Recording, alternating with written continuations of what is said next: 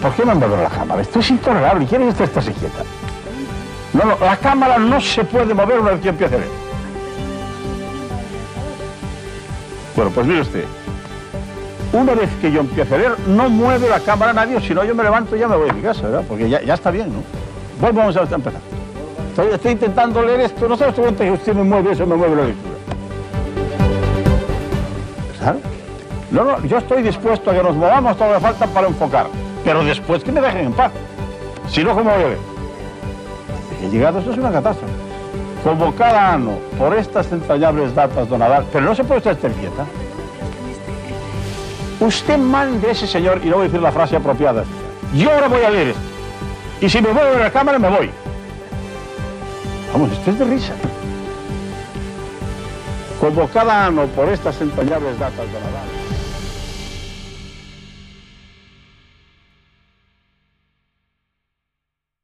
Ola, benvidas e benvidos a unha nova edición de A actualidade está sobrevalorada, pero mm, temos que caer nun, nun renuncio porque vamos a falar da actualidade. Vamos a falar, hola, Ana Luisa Bouza. Hola, que tal? Hola, Antón Losada. Empezamos mal. Hola, que tal? O renuncio é, ten que ver con Marta Otero Marián, que é feliz autora ou feliz coautora dun libro sobre traxedias marítimas que neste caso non é o Prestige. Bueno, Marta, fálanos do teu libro.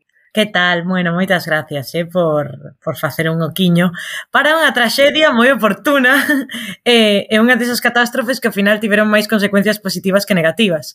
Eh, bueno, como ben dixo Pereiro, eh, presentamos a semana pasada, bueno, seguiremos presentando ao longo, ao longo deste mes o libro eh, Marejeo, el día que ardió el mar, sobre a catástrofe do petrolero Marejeo ante as costas coruñesas, bueno, que agora va, vai facer o seu 30 aniversario. E, e bueno, o libro é unha reconstrucción de, deste accidente marítimo, que, bueno, se saiu ben foi por unha concatenación de, de unha boa xestión, pero moitísima sorte quero dicir, porque ao final, eh, bueno, se non fósemos un país de xoguete, xa vería unha serie ou unha película sobre sobre o tema de marejeo, porque ten moitísimos componentes de, de novela e de, e de acción e de aventura e por ter, ter hasta, ten ata un, ata un final feliz. Así que, bueno, mm, non quero facer moito spoiler, pero digamos que hai moitos coruñeses que están vivos de milagro, senón é porque o humo vai para Ferrol. E, e nada, e está da venta en Amazon, espero que compre moita xente despois desta entrada espectacular. e, e nada, animo vos a lelo. Mm, eh, bueno. Eh, xa se alguén quere comprar os dereitos para facer unha serie, eu estou encantadísima de cobralos. Eh, bueno, eh... as plataformas que igual, olle, apúntanse. ¿Mm? Non o descarto. Un agasallo de Nadal para as plataformas. Eu non, eu non estaba, en, eu non estaba daquela en Coruña, estaba en Barcelona, estaba ali eh, estudiando, ¿no? E, uh -huh. e non o vivín directamente, porque, eh, non, insisto, non estaba aquí, daquela residían en Barcelona Pero o que si sí me lembro, claro, o que lembro sobre todo son as imaxes en, no telediario, ¿no? Claro.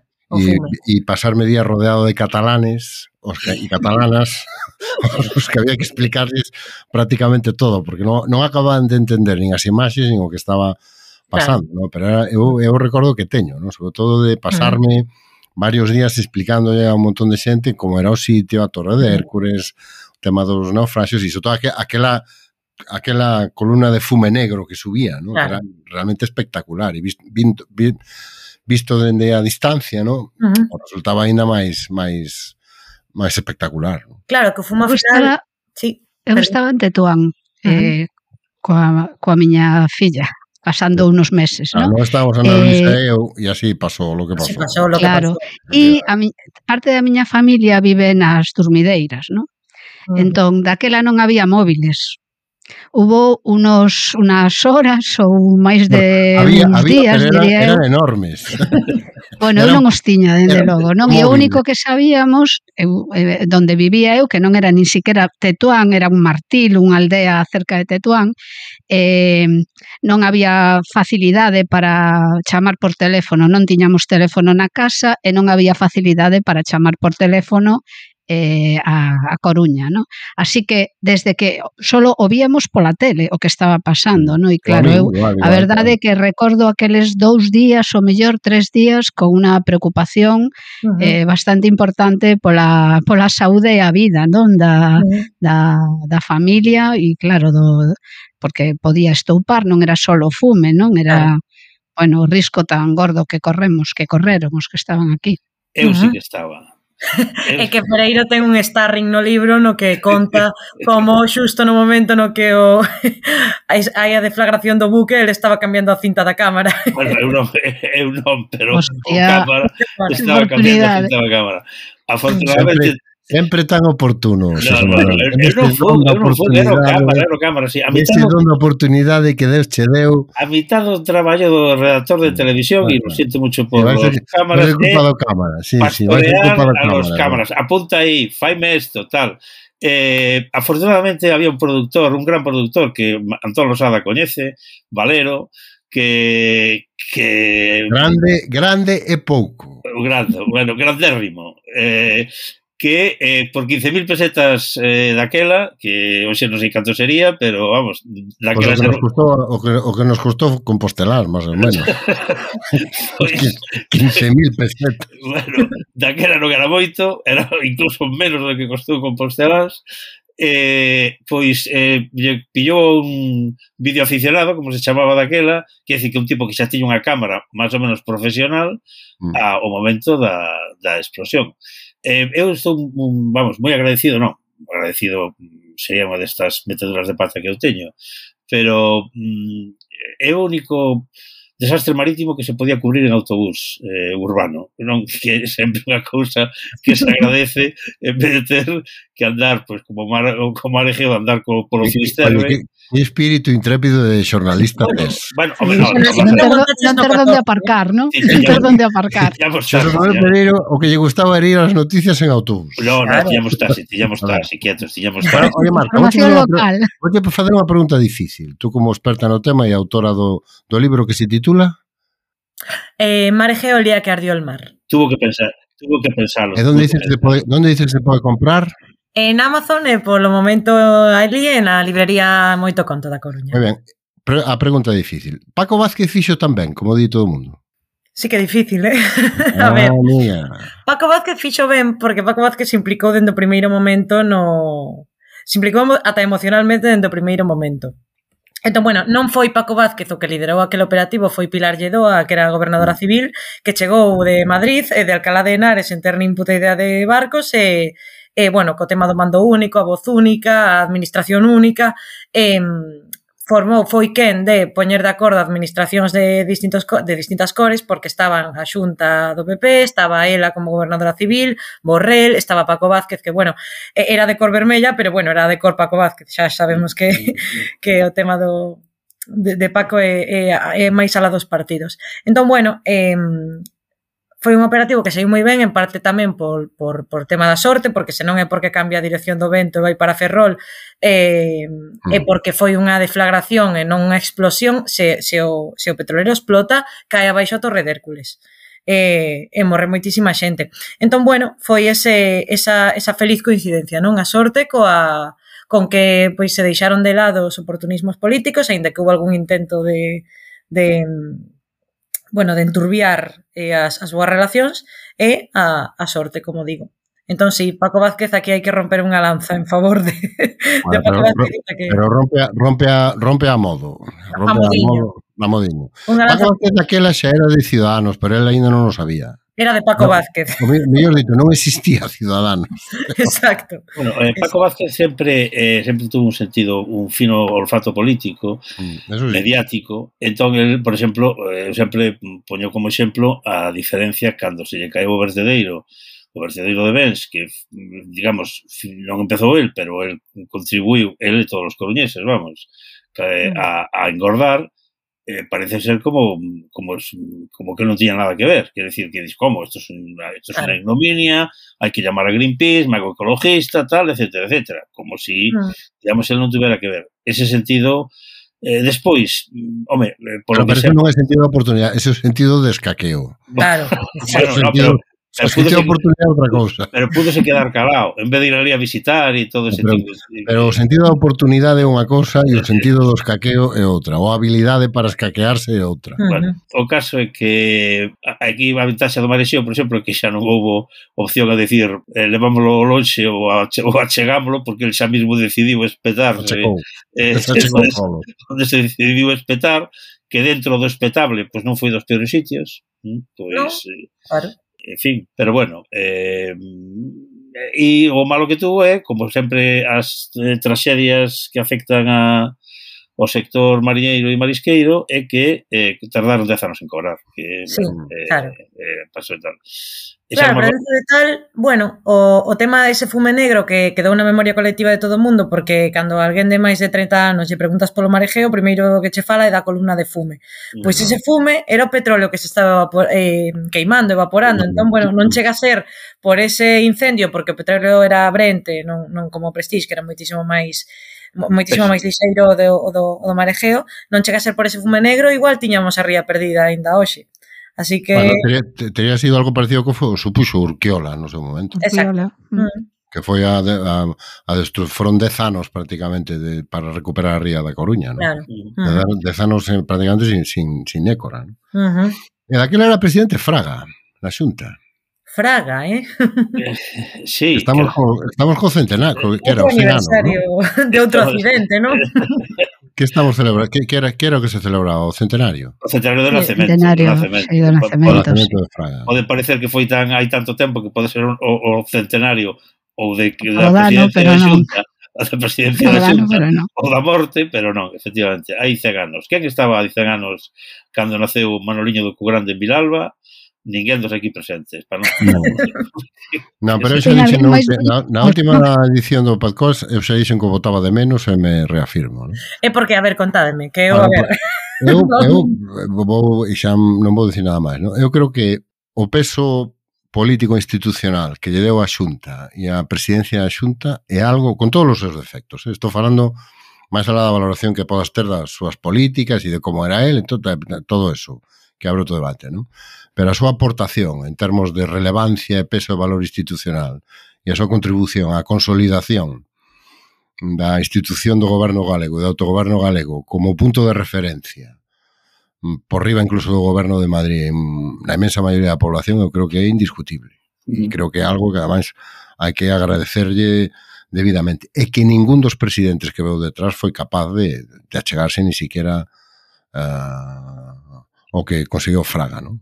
Que foi creo que a súa aportación para consolidar, insisto, no imaginario colectivo, non? Esta idea de que realmente as cousas importantes se podían decidir en Galicia e que o autogoberno era realmente o punto de referencia a partir de agora para, para a nosa vida social, económica, en política, eu creo que Fraga é o que marca realmente un antes e un despois. E eu voto de menos ter un, ter un presidente que mantuvera esa capacidade, non? E non ter a progresiva irrelevancia na que fomos caendo, non? Claro. Touriño foi o que máis achegou, despois foron 14 anos de Feijó, que foi como ter un presidente da, de, da, da comunidade da, de veciños. Da comunidade de veciños, exactamente. Exactamente, 14 anos de presidente e agora xa estamos na absoluta irrelevancia que supón Alfonso Rueda.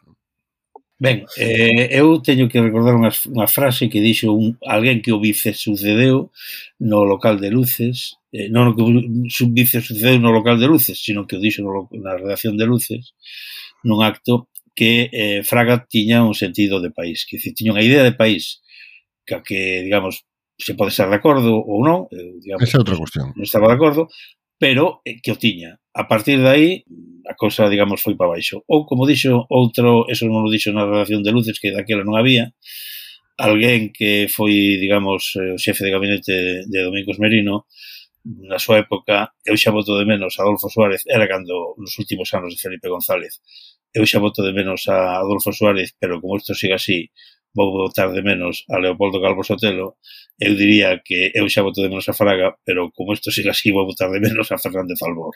Porque, sinceramente, hasta Fernández Albor, sendo tenente da, Lufta, da Luftwaffe, como foi, etc.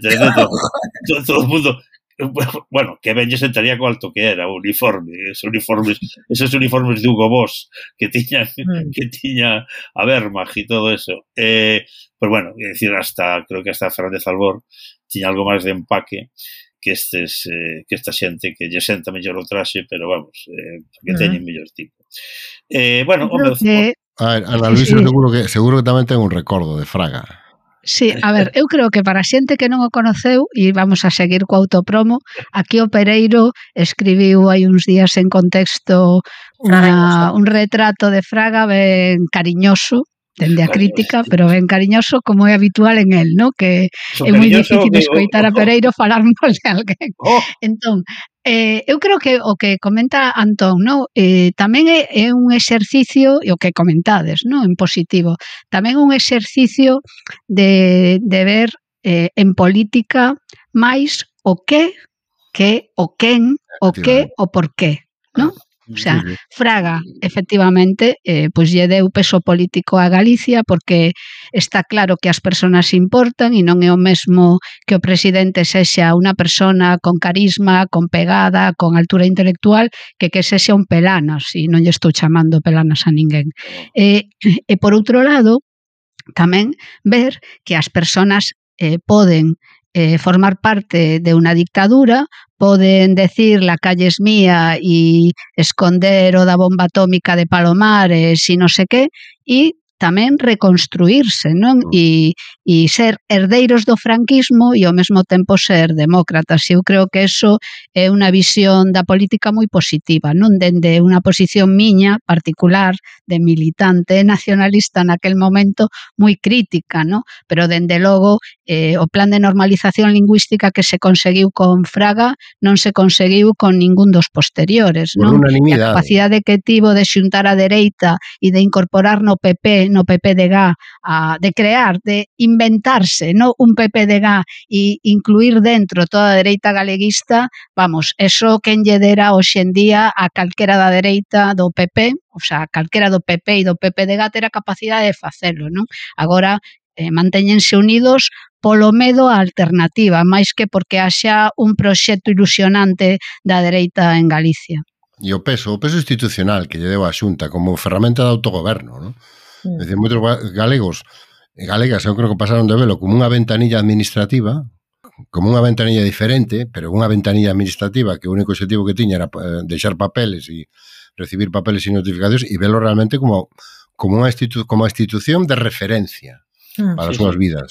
Entonces, como goberno que realmente importaba e co goberno que, que, que, co que había que entender si que era o que, era o que tomaba e toma as decisións que máis afectan nas nosas vidas. ¿no?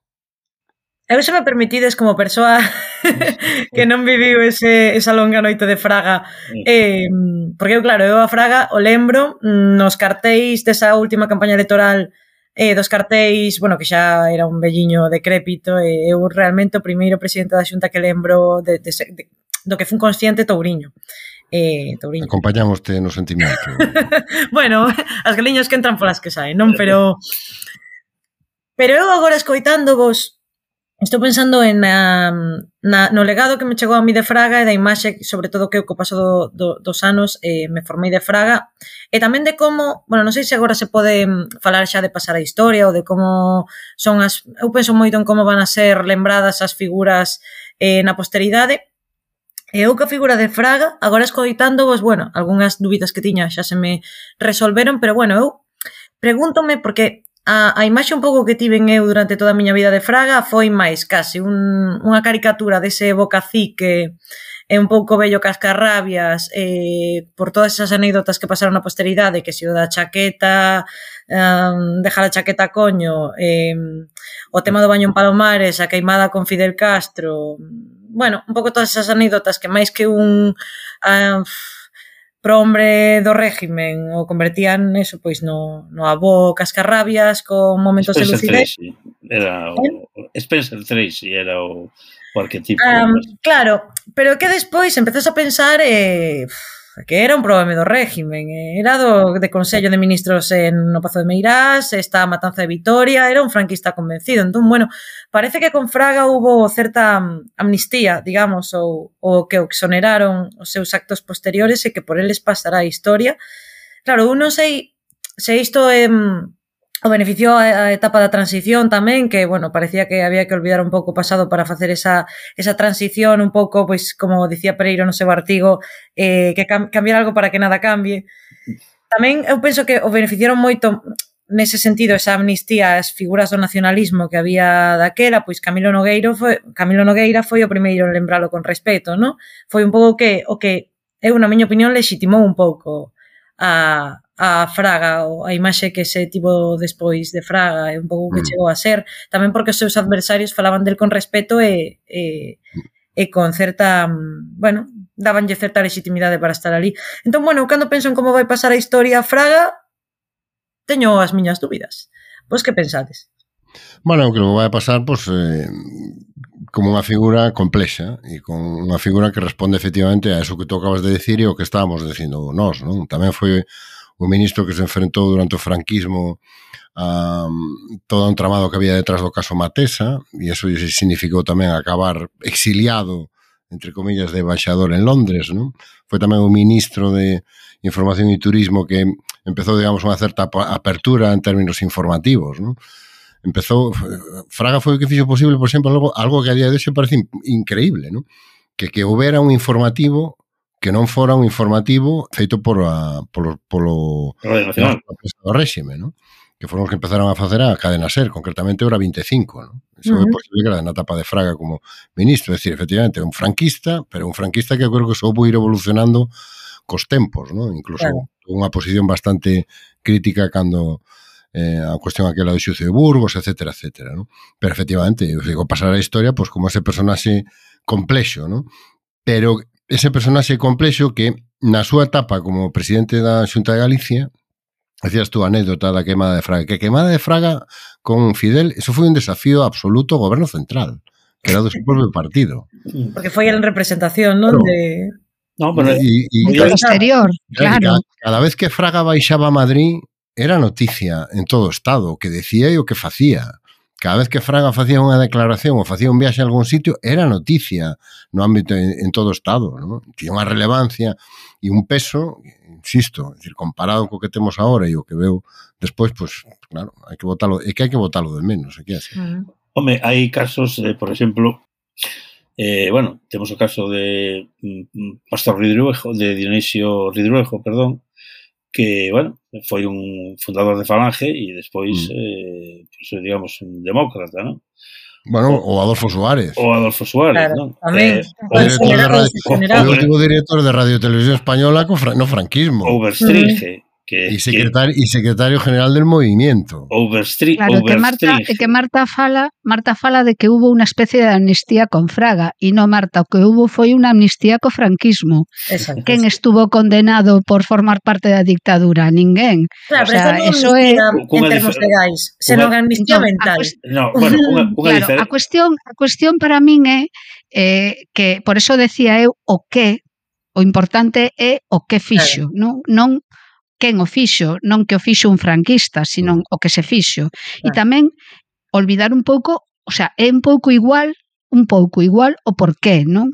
Claro, porque moitas veces tense falado de que todo este intento de Fraga na, na línea de que decía Antón de que cando maixaba a Madrid todo o mundo escoitaba que todo o que fixo en Galicia foi unha especie de vinganza, non? Porque o apartaron do, de donde el quería estar, que era a presidencia do goberno, liderar a, a, o cambio de dictadura a democracia, etcétera, non? E que, por, e que como obligaron a virse para aquí, dixo el, pois vos ides enterar que non me vou quedar tranquilo eh, eh, na, na illa, ¿no? que aquí claro, vai haber algo. ¿no? El rei en el norte. Mi, claro, vale, efectivamente. Entón, eh, a cuestión é que a min eso, a min particularmente eso, tanto me ten que o fixera porque realmente tuvo unha conversión de dictador da dictadura a democracia, que o fixera porque de repente entendeu que Galicia era un país colonizado, mm. ou que o fixera porque quería darlles na cabeza aos que o votaron para aquí, a min caso que se fixo. Me igual. A cuestión é o que, e o que é que el fixo.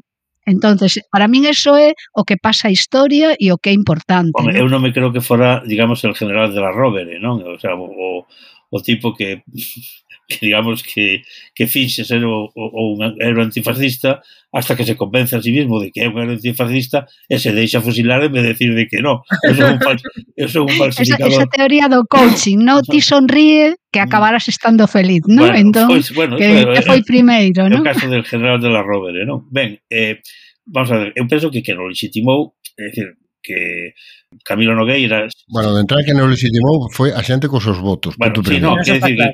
que, que Camilo Nogueira es que fora... Non le puedes dejar votar. Que, que Camilo Nogueira fora... É a primeira legitimación indiscutible. Que Camilo Nogueira fora, falar, fora a cear con él todo sorrinte, eu penso que a que mosqueou moito foi precisamente os de Camilo Nogueira. Vamos, claro. máis que máis que os eh, que a tal que non legitimou foi precisamente eh, os, eh, os votos, pese a mm, bueno, pese a todo lo que se diga, de las sacas de aquí, los sistemas de usted, se non foi a votar levo, etcétera, etcétera, non?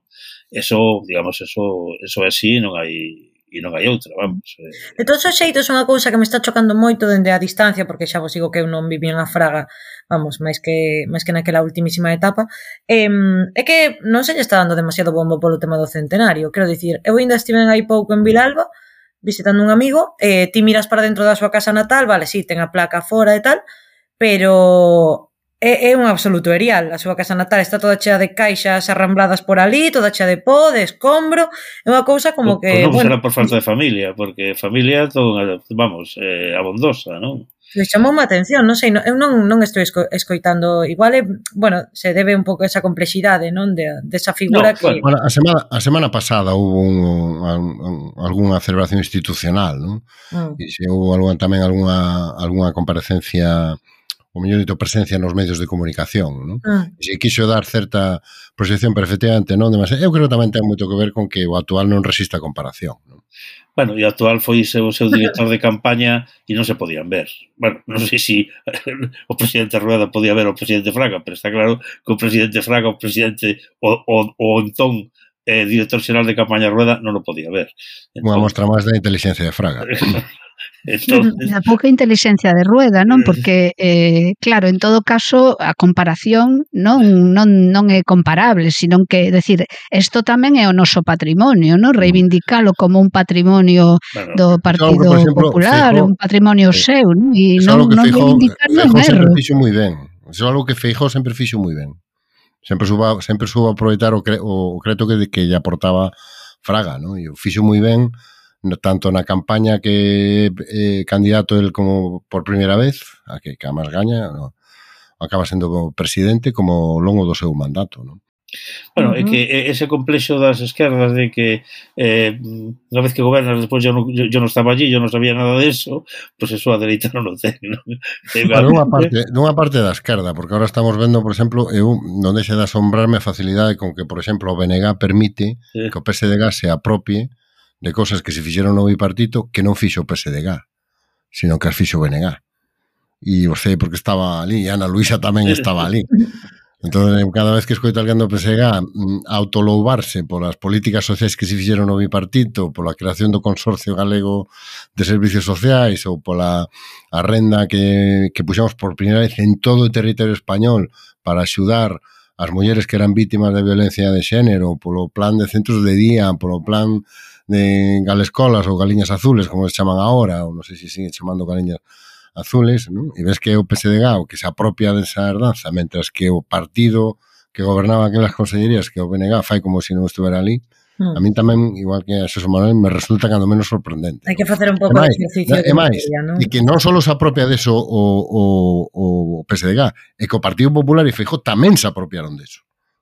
E, por exemplo, Feijó ano tras ano proclamaba como unha das súas grandes eh, putais como presidente, por exemplo, o complemento autonómico das pensións cosa que se aprobou no bipartito a proposta da vicepresidencia na que estábamos Ana Luisa e Maseu.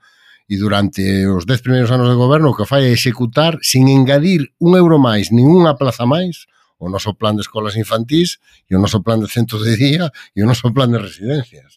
Como pensades vos que a historia bipartito? Incluso, incluso consorcio, non? Que era o primeiro que se iban a cargar e aí sigue. Aí sigue. E aí sigue. Aí sigue. O mira, chiringuito. Mira, eso... eso sí. Eh, crearon, mira. mira, crearon unha Axencia Galega do bienestar que ninguén sabe o que fai, porque legalmente non pode facer nada, porque nós creamos o consorcio, porque era a única maneira de resolver legalmente unha cuestión, que aquí eh, a distribución de competencias en, en, en, en Galicia dos servicios sociais é moi peculiar. A xunta lle corresponde a planificación e financiamento, pero a xestión lle corresponde aos concellos, con cal había que crear un organismo que permitira integrar esas competencias nun único punto, non? Eles crearon a Xencia Galega do Benestar, que non vale para nada, e eh, manteñen o consorcio porque é o que realmente resolve problemas, non? Mm. Mira, e non vamos a falar de Irene Montero así nos minutos estes que queda.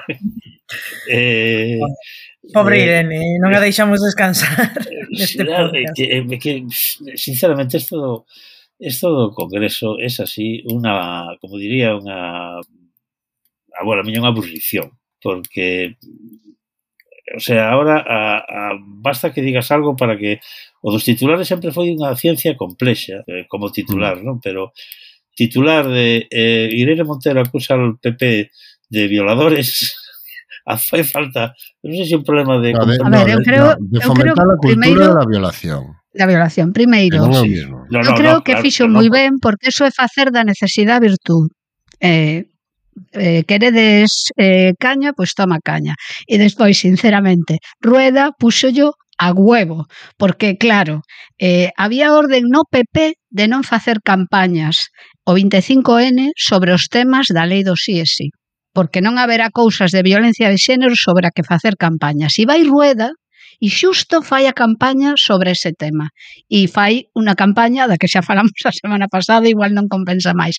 Así que o que fixo foi darlle munición Entón, que pasa? A donde nos leva esta dinámica de polarización, grosería, insulto, non sei que, a donde nos leva, non? Entón, está ben que la conteste, pois é unha táctica de resposta a, ao ataque, non? Pero a min dame un pouco de medo, non? Que cada vez máis polarizados, cada vez menos entrando en det nos detalles, cada vez eh, un discurso máis grosso modo, cada vez... Entrar nos detalles, entrar, entrar un pouco no que se di, non xa nos detalles, entrar no normal, e que, é que, sinceramente, non estamos entrando nun problema de comprensión lectora e de, e de Pero que xa non é comprensión. Gordo.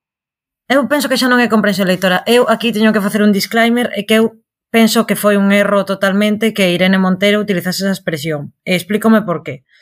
Primeiro, porque ademais estamos pedindo un pouco de, de guardar as formas no Congreso dos, dos Deputados se estamos falando de non Joder, a Irene Montero chamaron a pederasta, chamaron a oh, estáis, está ceibando violadores na rúa.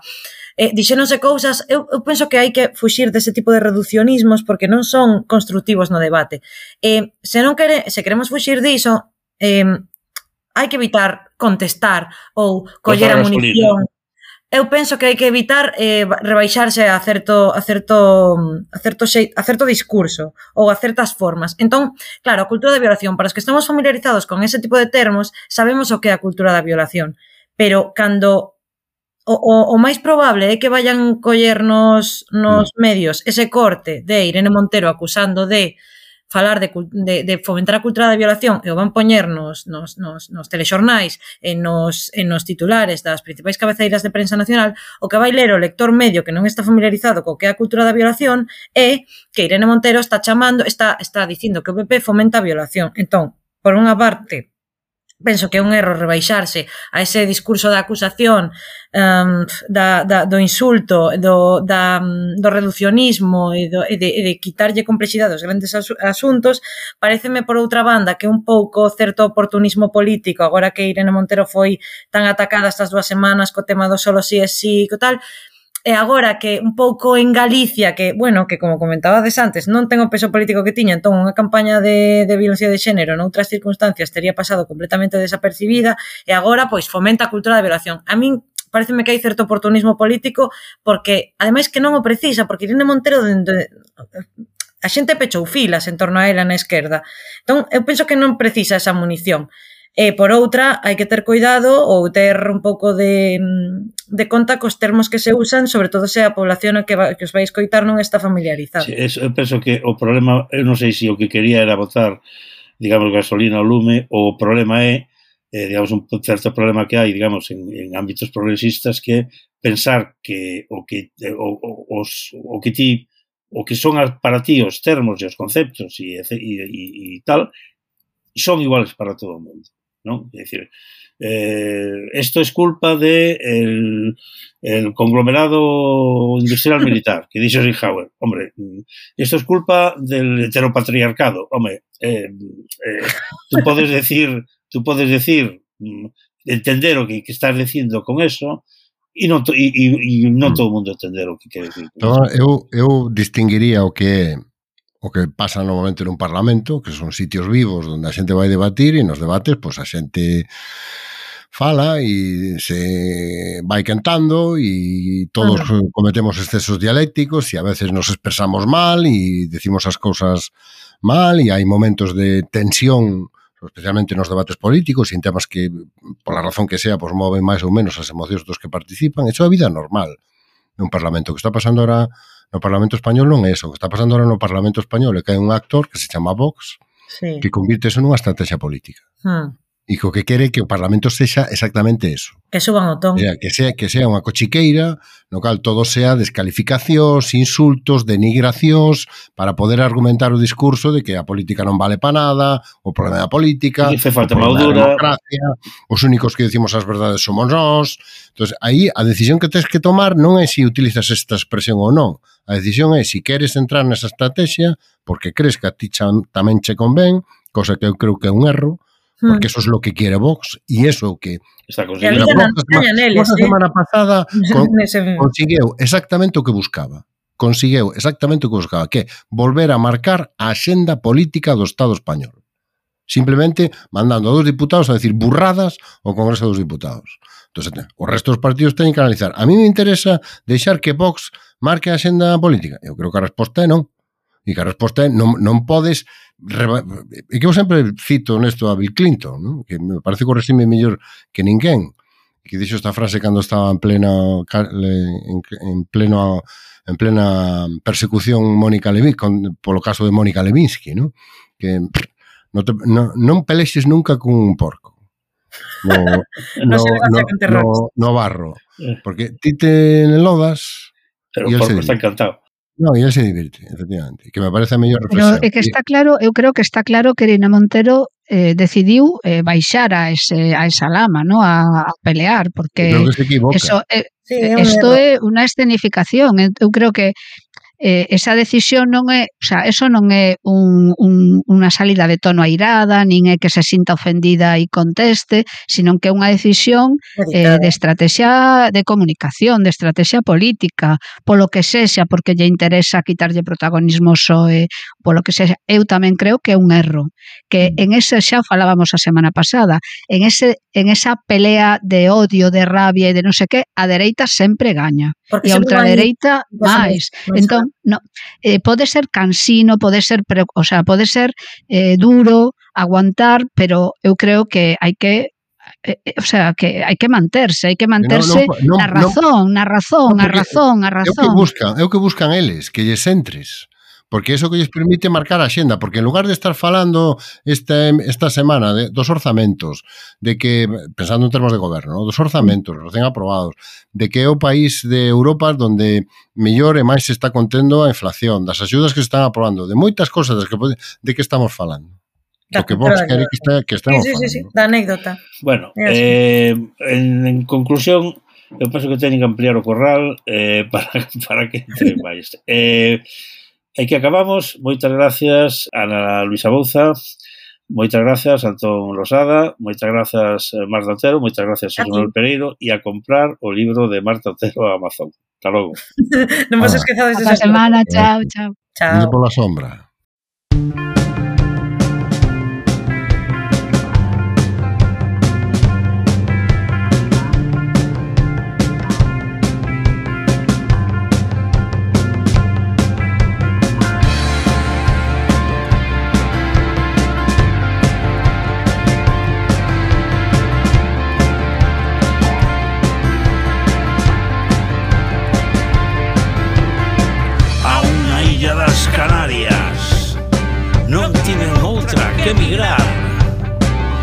chollar do que fose Lonxe, lonxe do fogar.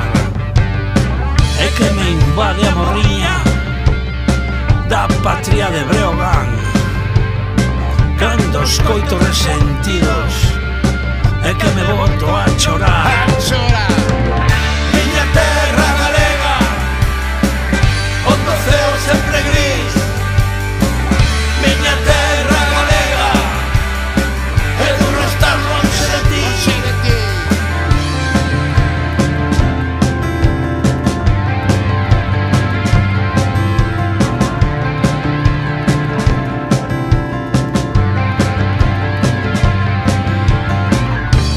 queixan os pinos E os montes arden demais Cheos de muiños e eucaliptos Dende o miño ortegal Onde as vacas son marelas E unha especie a conservar E os que antes facían barcos Abriron agora un bar Un bar